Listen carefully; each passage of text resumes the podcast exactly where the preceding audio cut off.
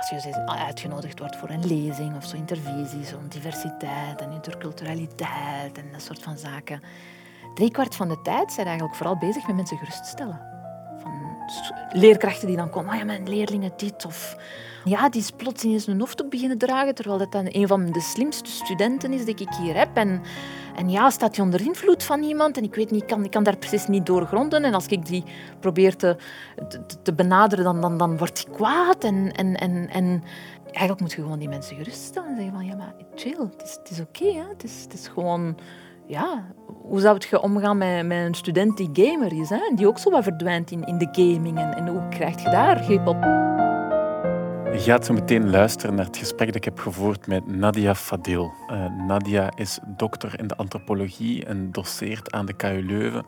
En heeft behoorlijk wat heel interessante dingen geschreven over uh, islam, over secularisering en over radicalisering. Onder andere de laatste een klein beetje tegen haar goesting.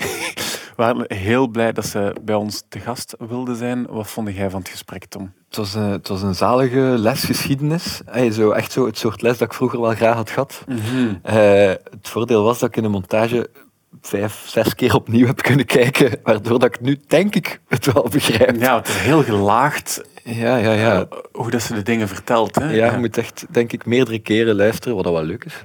Ja, ja. dus uh, om, om, om mee te zijn. Maar ik vind het wel echt een verrijking van, uh, van mijn, mijn zicht op, de, op onze geschiedenis, op de westerse geschiedenis. Ja, ja. ja. Dat is iets wat al een paar keer zo teruggekomen is. Maar zo denken aan bij Christophe Bush, zo, dat, dat we doen alsof dat het liberalisme neutraal is hier ja. of zo. Eh, alsof dat wit geen kleur is. Ja. En het is, het is wel cool om zo echt een keer een blik te krijgen die ja. duidelijk maakt waar dat, waar dat het kleur zit. Zo. Ja. Waar dat wij accenten leggen en waarom dat we die leggen. Ja, zo het, het, besef, gelijk dat we zeggen, het besef dat je ook een bril op hebt. Ja. En hem zo een keer afzetten. Ah! Ja. en zo wow. is die ontstaan. Ja, ja, ja. Oei! Ja, oei. Oké. Okay. Ja. De discussie die je had op school, ik denk dat je elf jaar of zo waart. Mm. discussie had over de hoofddoekenkwestie. hoofddoekenkwestie in Frankrijk, dat er een aantal, een paar meisjes waren die hem wilden dragen, maar niet meer mochten dragen op school of zo. En dat je, dat je een discussie voerde en de bel ging. Ja. Dus de discussie moest stoppen en dat je gewoon in een reflex nee riep. Omdat je verder wou. Ja, ja, ja, ja. Maar toont al de, de, hey, zo, zo, zo vroeg zo'n... Uh... Ja, ja, ja, ja. Ja, je gaat misschien een beetje lachen, maar ik herinner mij toen als, als kind... Uh, ik keek ook altijd naar het nieuws. Ik vond dat altijd heel interessant, zo, ja, actualiteit en zo. En, en, en dat was toen de Libanese burgeroorlog die toen gaande was. En, uh, en ik herinner mij toen, en dat is heel gemeen wat ik nu ga zeggen, maar ik herinner mij toen dat ik zei van ja, het gaat altijd over Libanon. Waarom gaat het nooit over ons? Want mm-hmm. Libanon, ja, dat, was, dat waren ook Arabieren, maar dat waren geen Marokkanen. Dat was iets ja, anders. Ja. En ik had zoiets van ja, ik wil ook wel eens... over Marokko moet het gaan. Over, ja. ja. En dat, is, uh, dat gaat eigenlijk over identificatie. Hè, van, hoe kan ik mezelf ook zien in die... Ja. In die in, in, in, als ik tv aandoe, hè, dan, dan, dan mm-hmm. zie je eigenlijk mensen die niet op jou lijken. Hè. En als je dan mensen ziet die in de buurt komen, dan zijn het nog altijd andere mensen. Dan, dan gaat het mm-hmm. niet over u, maar gaat het over een ander land. Mm-hmm. Dus dat is eigenlijk denk ik waar... Uh, ja. En dan ja, dus toen hè, in het Heilig Hart Instituut... Hè, ging het dan eens over meisjes die op mij leken. Ja. En, uh, en was het echt een, een, een heel... Allee, ik herinner mij natuurlijk de details niet meer. Ik herinner mij vooral de emoties. Dat ik toen echt wel heel erg in het gesprek zat. En heel hevig in het gesprek zat. En dan moesten we stoppen. En, mm-hmm. allee, we zijn nu nog maar juist bezig. Weet je nog wat, dat je, wat dat de stelling was die je wou verdedigen toen? Nee, ik, ik weet dat ik toen al vond van ja... Dat, dat, Moet je nu niet. Ja. ja. ja. ja. ja. En dat is niet veranderd. Uh, ja. ja, want ze waren over... Je had het gevoel dat ze ook over u aan het discussiëren waren. Ja, en ook al droeg jij geen hoofddoek, had ze zoiets van, wie zei jij om... Ja. Ik, ik snap wel. Dat, dat als, het, als het dan de, een van de eerste keren is dat het over u gaat, eh, of Ja. dat je het gevoel hebt dat het over, dat dat ook iets zo ja, teweeg brengt. En tegelijkertijd, ik denk ergens in een interview niet zo heel lang geleden, Dat je zei van, eh, er werd u gevraagd wat je wenste of hoopte of zo. En, en ik, ik, denk dat je toen zei, ik, ik hoop dat het minder over de islam gaat gaan, zo, de komende jaren. Omdat als het erover gaat, is het eigenlijk altijd, eh, is het effect ervan bijna altijd negatief. Mhm. Dat je zelf ook aangaf hoe paradoxaal dat eigenlijk is, dat het domein waar dat jij een stukje studie op richt, dat je hoopt dat er minder aandacht voor is. Mm Maar dat de meeste mensen die iets bestuderen... Ja, dat is... Um, hopen dat het er zoveel mogelijk, mogelijk over, over gaat, of zo. Ik denk als je oude Bijbelse manuscripten onderzoek doet, hè, dan, dat je dan heel blij bent dat er mhm. iemand geïnteresseerd is. Ja. Want die interesse op dat moment gaat ook over je onderzoek. En, en, en de vragen die je dan krijgt, gaat ook over je onderzoek. Mhm. Maar het ding met de islam is dat de islam... Um, uh, niet enkel een onderzoeksdomein is, uh, dat gaat over de veelheid aan praktijken en de diversiteit aan praktijken die daarin zitten. En dat je gewoon, ja, net zoals je um, iets leert over hoe oude Bijbelse manuscripten tot stand zijn gekomen en bewaard worden, dat je iets leert over hoe moslims hun religie beleven en beleiden, et cetera. Ja, ja. Um, dat is het ja. Als je het aan het vertellen bent, dan, dan denk ik, hé, ja, dat, zou kunnen. nee, nee, als we het hebben over de islam, is negen kansen op de tien uh, gaat het eigenlijk vooral over ons. En dan spreek ik, spreek, is die ons de spreekwoordelijke wij-westerse groep. En hoe dat eigenlijk die moslim of de islam eigenlijk onze tegenpool is. Mhm. En hoe dat die tegenpool ondertussen tussen ons zit en ons in onze eigenheid bedreigt. Dat is het eigenlijk. Dus dat gaat heel erg over identiteit, identificatie en hoe identiteit geconstrueerd wordt door zich af te zetten van de ander. Dat is hoe identiteit vaak tot stand komt. Hè. Dat je eigenlijk een wijgevoel creëert hè, door je te differentiëren. Een, een, een, vrouw is vrouw omdat ze geen man is, bij wijze van spreken. En, en, mhm. en als daar vertroebeling in gebeurt, dan, dan hebben we het vaak moeilijk. Hè. Vandaar die, dat ongemak ten aanzien van transgender zijn. Dat transgenders mhm. nog altijd veel meer met geweld te maken hebben, omdat die niet echt passen in, in een vakje. Hè. Dus je moet duidelijk onderscheiding. En dat is ook zo met culturele identiteit. En, en en, en, en de, de, de westerse, Europese, christelijke identiteiten, um, Europa, als ik die term mag gebruiken, heeft zich historisch uh, gevormd door zich te onderscheiden van, van, van, van de rest van de wereld. En de grote uh, andere waartegen Europa zich heeft geconstrueerd, is de moslim. Mhm. Zeker vanaf ja, de, de, de Reconquista en de eenmaking van, van, van christelijk Europa, dat eigenlijk samenviel met de koloniale uh, expansie. Hè. Dus 1492 mhm. eh, wordt in de literatuur vaak als een centraal moment gezien. Hè, van enerzijds de ontdekking van Amerika en anderzijds de expulsie van, uh, van de laatste moslims in Granada. Dus dat is hetzelfde moment. Dus dat is het samenkomen van die twee momenten. Mhm. En dus ja, die moslim is eigenlijk een beetje altijd een beetje die externe andere geweest, waar het, waar het christelijk Europa zich van, van, van, van wilde onderscheiden. Hè, waar eigenlijk een, verhouding bestond van admiratie, maar ook tegelijkertijd bedreiging, want die stonden toch wel ergens...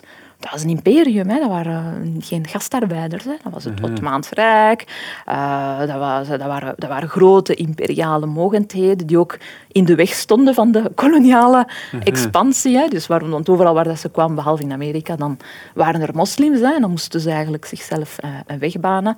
En dat heeft een heel belangrijke rol gespeeld in de culturele vorming van, van, van Europa en in de culturele eenmaking van Europa. Dus uh, vandaar als we het over de islam hebben, hebben we het niet over, over de moslims alleen. Dat hebben we het eigenlijk ook over ons en over onze geschiedenis en over onze identiteit en over onze poging om toch heer en meester te worden uh, in de wereld. Mhm. En in die 19e eeuw, 20e eeuw, begin 20e eeuw waren de moslims gekenmerkt als zijnde ja, despotisch, et cetera, slavendrijvers. Hè. Dat is ook een van de redenen waarom dat wij naar Congo zijn gegaan, hè, om toch eh, de Congolezen te bevrijden van de mhm. Arabische slavendrijvers. Dat mogen we niet vergeten. Hè. Ja, ja, hebben we goed gedaan. Uh, ja, hebben we heel goed gedaan. Mm maar, maar ook um, een onderscheid op seksueel niveau. Wij vonden die moslims veel te losbandig hè, op seksueel vlak. Dat mogen we niet vergeten. Hè, in de 19e eeuw. Met die harems en die hadden een open, openheid ten aanzien van hun seksualiteit. En dat, en dat paste niet met de zeer uh, christelijke moralen die, die eigenlijk dat ondeugdzaam vonden. Hè. Nu is het omgekeerd. Hè. Ja. Nu zijn zij degenen die geen seksualiteit hebben en geen ruimte hebben voor seksualiteit. Dan zijn wij die, die, die, eh, Open die en open vrij. en vrij zijn in Ja. onze seksualiteit. Ja. Maar dus ja, dus waarom vertel ik dat allemaal? Omdat ik, ja, omdat, eh, omdat, om terug te komen op je beginvraag, nee, eh, de interesse in de islam is niet gewoon een interesse in oude boekmanuscripten. Nee, Nee. dat is niet hetzelfde. Het is meer een zelfmanifestatie of een poging om onszelf te manifesteren. En te definiëren en, te onderscheiden.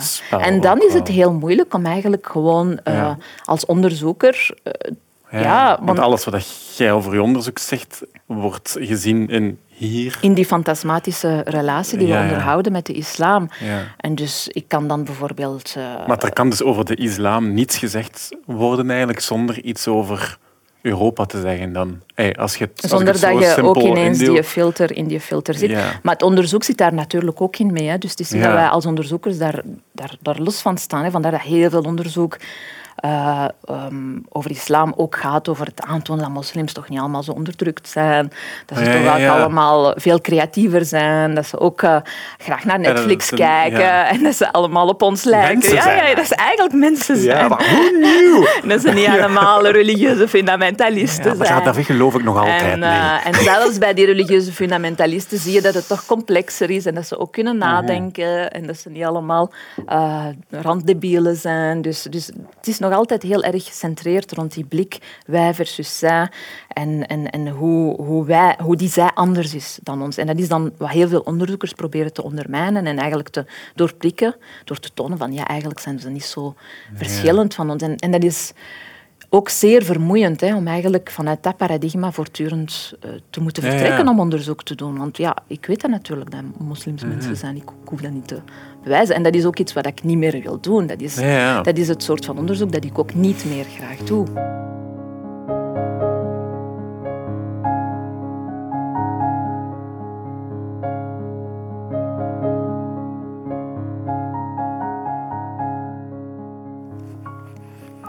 Was aan het denken zo, of dat we... Zij sprak over identiteit en hoe dat, het, hoe dat, dat gevormd wordt door je af te zetten. eh, Deels. Te je onderscheiden, ja. te onderscheiden. Of dat dat ook kan zonder dat te doen. Zo. Of dat, wa- waarom dat dat... Ja, waarom dat dan nodig is. Ik snap zo dat dat Europese verhaal zo ergens, gelijk elke identiteit, misschien een beetje een samenraapsel is van hè, wat Grieken hier en wat, maar vooral wat pacificatie intern hopelijk. Zo, wat. die, die, die hoop van al die landen die eigenlijk constant met elkaar aan het vechten waren, zo te proberen rond één, hè, een vlag. Ja, ja. Maar of dat, dat, ook, of, of dat dat ook niet kan zonder... Dat is natuurlijk een van de grote discussies. Hè. Ik denk ook in, in, allez, in de literatuur.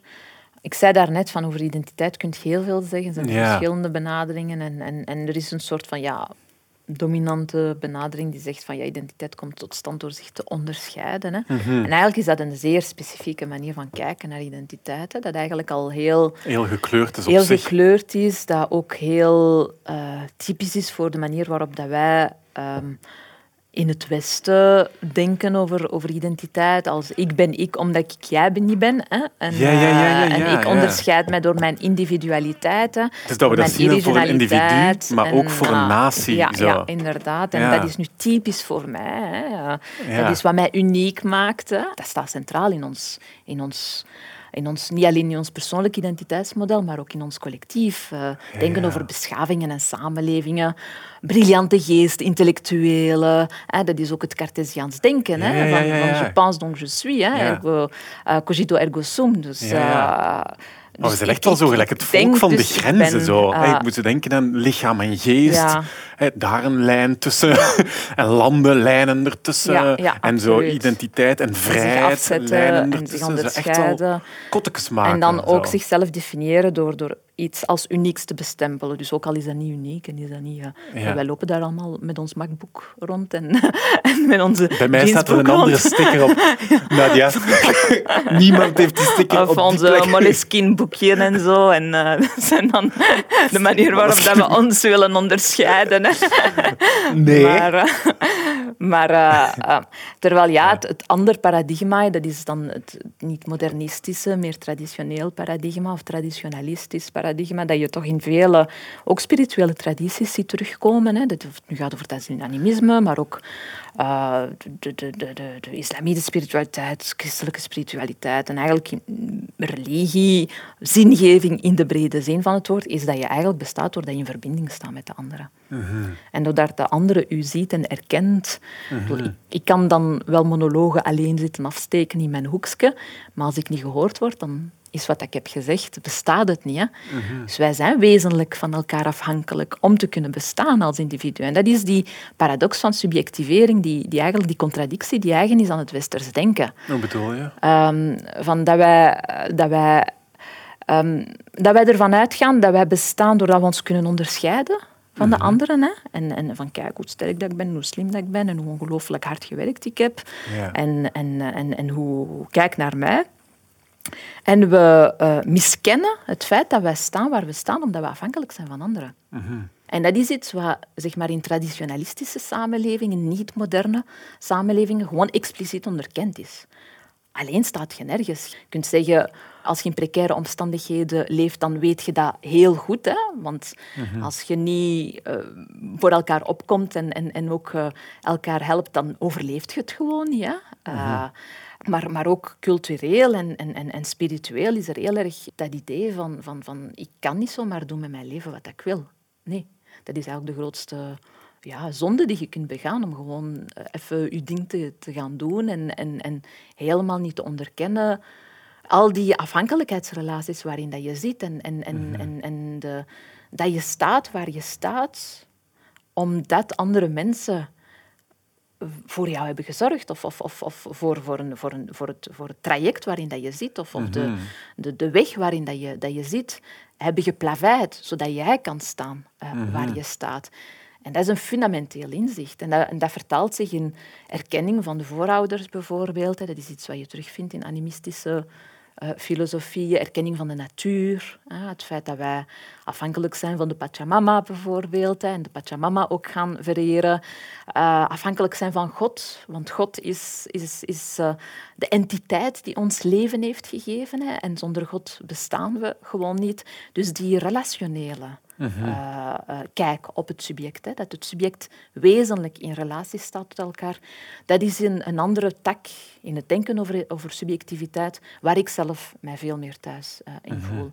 Het lijkt me zo dat, dat er daar zo in het midden heel veel plek is tussen zo het, het hyperverbonden en, en zo, waarbij, dat er bijna, waarbij dat je bijna geen niet meer kunt verbonden zijn omdat je samenvalt met de ander. En zo, aan het ene uiterste, waarbij dat je, dat je groep, je identiteit de groepsidentiteit is en, dat, dat je dus, en dan kun je ook niet meer verbinden, want dan zijt je niks niet meer of zo. En aan de andere kant dat je zo hyper individualistisch bent of zo hyper ego bent dat je niet meer kunt verbinden zo, of, of negeert dat je verbondenheid nodig hebt.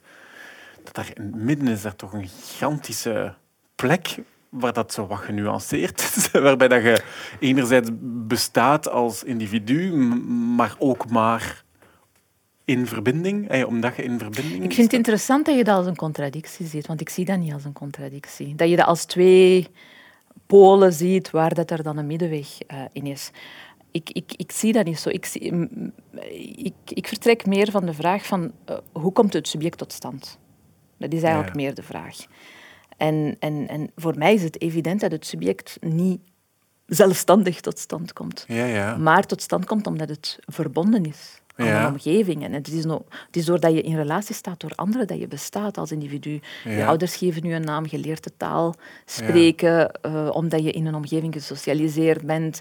Je draagt de kleren die die omgeving ook draagt. Je ontwikkelt een individualiteit omdat mensen ook in gesprek gaan met jou. Dus ik vind dat niet bedreigend, dat idee dat... Nee, ik vind dat het ook niet eh, bedreigend, maar het lijkt, vraag mij eerder af hoe dat, dat komt, dat, dat zo, het, het, het liberale Westen, of het Europa, of hoe dat we het ook noemen, dat dat zo, ik weet niet, dat dat zo op de spits gedreven wordt, precies in Europa. Dat idee dat, van het ego zo, en, en hoe niet verbonden dat maar we dat zijn. Is, of hoe, waarom dat, dat is eigenlijk. Ik, ik, zie ook niet goed in waarom dat, dat nodig is. Zo. Ja, Ik denk dat dat eerder voor mij de, de, de vraag is. Van, van, van, eh, dat idee dat we aan elkaar verbonden zijn. En dat, Daar is toch Ah, niks dat, dat, dat, is, dat is een truïsme eigenlijk. Dat is, dat is vanzelfsprekend. Ja. Dat, is, eh, dat is een oude wijsheid die, die zelfs sociologisch klopt gewoon. Hè? Dat, dat, dat het Ja, ja. individu sociaal gesitueerd is en, en, en, en sociaal gemaakt, wezen is. En, en, en, ah, dus je zegt eigenlijk niks fundamenteels nieuws. Wat interessant is, is waarom op een bepaald moment in de geschiedenis Ja. we de noodzaak vonden om het individu te gaan uitvinden, om een beetje de woorden van Foucault te, te, Mhm. te gebruiken. Hè. Hoe, hoe is eh, de mens of het individu o- eh, ontdekt of, of, of, of, of gecreëerd? Mhm. Ja. Dat is eigenlijk het interessante. ja, ja. ja. Want dat is eigenlijk vanuit een historisch oogpunt, dat is eigenlijk een beetje de anomalie of de nieuwe ontwikkeling. Dat, eh, dat we plots het individu hebben uitgevonden. Ja. Nu, eh, wanneer is dat gegroeid, dat idee van, van, van het individu? Dat is natuurlijk een zeer modernistisch eh, idee, hè, dat ook vaak geassocieerd wordt ook met verlichting is het moment. Hè. Nu, sommigen gaan dat ook eh, linken met, met protestantse revolutie, het feit dat protestantisme het moment is waarop je als individuele gelovige gaat breken met met een kerkelijke hiërarchie en dat er een individuele relatie ontstaat tussen het individu en God. Kunnen we Mhm. Maar je kunt allemaal, zeggen, eh, enerzijds is dat dan het, het vrijmaken van een onderdrukkende allemaal, structuur eh, of zo. ja. Maar moet je daarom u van alles vrijmaken? Ja. Nu, dat is een, ik, ik geloof ook niet dat op dat moment het individu vrijgekomen is. hè. Ik geloof daar ook niet echt in. Dat dat ooit gebeurd is. Ik, ik geloof daar niet Nee, echt in. Ik, Ook ik denk dat we, niet, ik Ja. Mhm. denk dat wij altijd sociaal gesitueerd zijn en dat wij altijd ehm, verbonden zijn met een context die op ons inwerkt en ons stuurt. En ons, Mhm. ik bedoel, de ideeën die ik nu heb, hè, dat zijn niet Nadia Fadil, het individu. Hè. Dat is ook Mhm. dingen die ik heb gelezen en heb verteerd. En dat is een synthese van zaken die ik heb geleerd van andere mensen. Hè. Ja, ja. Dus ik, Nadia Fadil, die- dat is een doorgeefluik. Hè. Ja, ja. Dus, eh, dus het is... ehm, ja. dus ik, ik, ik, ja, ik, eh, ik, ik voel ook niet de noodzaak om, om, om, om te tonen dat ik echt als, als individu besta of ja. zo. Nu, waar het wel moraal-filosofische vragen en dat is typisch liberaal, hè, vrijheid en waar liggen dan de grenzen van de autonomie, et cetera. Dat is een beetje zoals ook aan een moslim vragen, wat is een goede moslim zijn? Hè? Vraagt je aan een liberaal, wat betekent dat vrij te zijn? Hè? Dat, zijn Mhm. dat zijn theologische debatten voor mij. Eh, En hangen gewoon een andere godsdienst. ja, Nee, nee, nee, maar Nadia, je snapt het niet. Wij zijn neutraal. Je begrijpt het echt niet. Maar dus om terug te komen op je vraag van, van hoe is dat historisch te situeren, ja, daar, daar is van alles over geschreven. Hè. Ja. Uh, maar het is interessant dat het samenvalt met de koloniale eh, expansie. En dat dat eigenlijk ook een belangrijk moment is geweest hè, waarin verlichtingsfilosofen zich ook die, vrijheid zijn, die vragen zijn beginnen stellen over reden, autonomie, door zich enerzijds af te zetten van de kerkelijke hiërarchie en, en dat idee van, van, van eh, ja, eh, onderworpen te zijn aan een externe autoriteit, dat dat een beetje de grote zonde is hè, voor een vrij subject. Hè. Je moet eigenlijk eh, moreel handelen volgens je eigen rationele principes en dan ben je echt vrij. Maar die discussies over vrijheid, dat gebeurde in een machtsvacuum. Hè. Dat gebeurde in een context waarin er heel veel onvrije wezens rondliepen. Hè.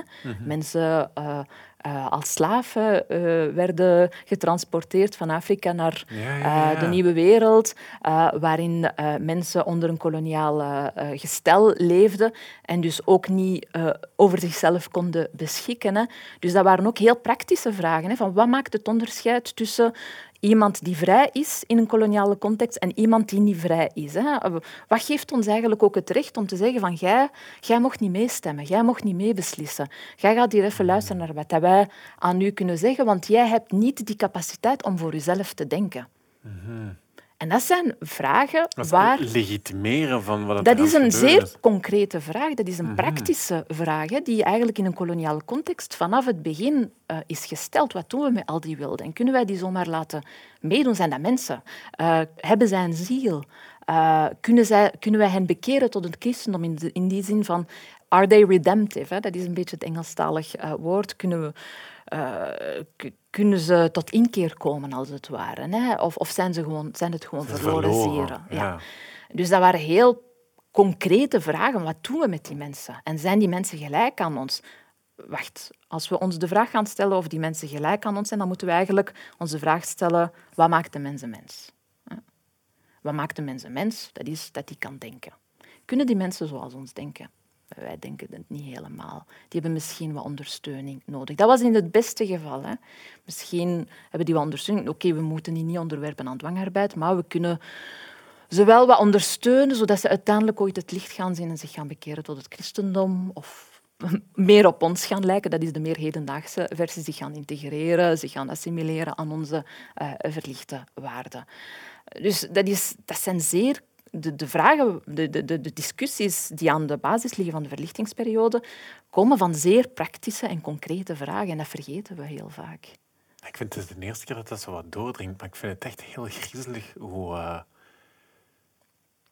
Ik weet het, zo'n fase die mij, waarvan ik, waarbij ik nooit heb stilgestaan hoe doordacht die was. Zo. Echt zo... Ik maakt het nog erger.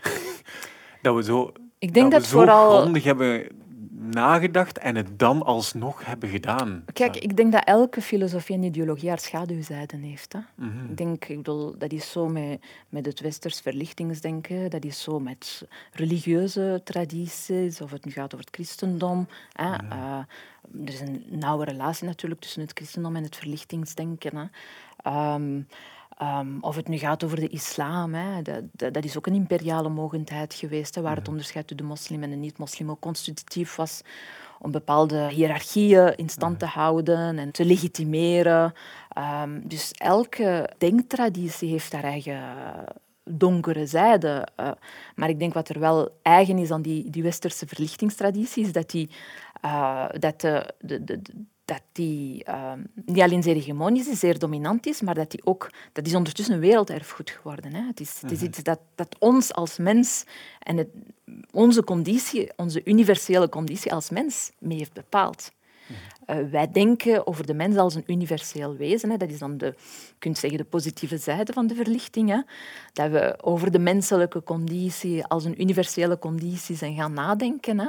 Mhm. Ehm, maar de keerzijde is dan wel dat we daarin hiërarchieën zijn gaan beginnen uh, creëren die zeer, uh, zeer, verregaande zijn en die eigenlijk bijna niet overbrugbaar uh, waren op een bepaald moment van de tijd. En nu nog soms, hè, van die, die, die mensen die niet even ontwikkeld zijn als ons, kunnen ze ooit even, even ontwikkeld geraken. Het zijn mensen, maar het zijn niet mensen die even ver staan als ons. Dus het heeft ook wel toegelaten om, om, om die andere aan onze meetlat te gaan afwegen en te mhm. zeggen van kijk, dit is de meetlat voor iedereen. Yeah. En zij die daar niet uh, uh, mee overeenstemmen, ja, die, die hebben nog wat werk nodig. Ja, pak dat we zo in een klas zitten met zo honderd mensen of zo. Ja. En dan zo twintig leerlingen van de honderd gaan samen in een, in een ruimte zitten en gaan nadenken, we zijn met honderd, denken ze met twintig. Wat bindt, verbindt onze honderd zo, hè, onze klas. En dan beslissen we dat met ons twintig.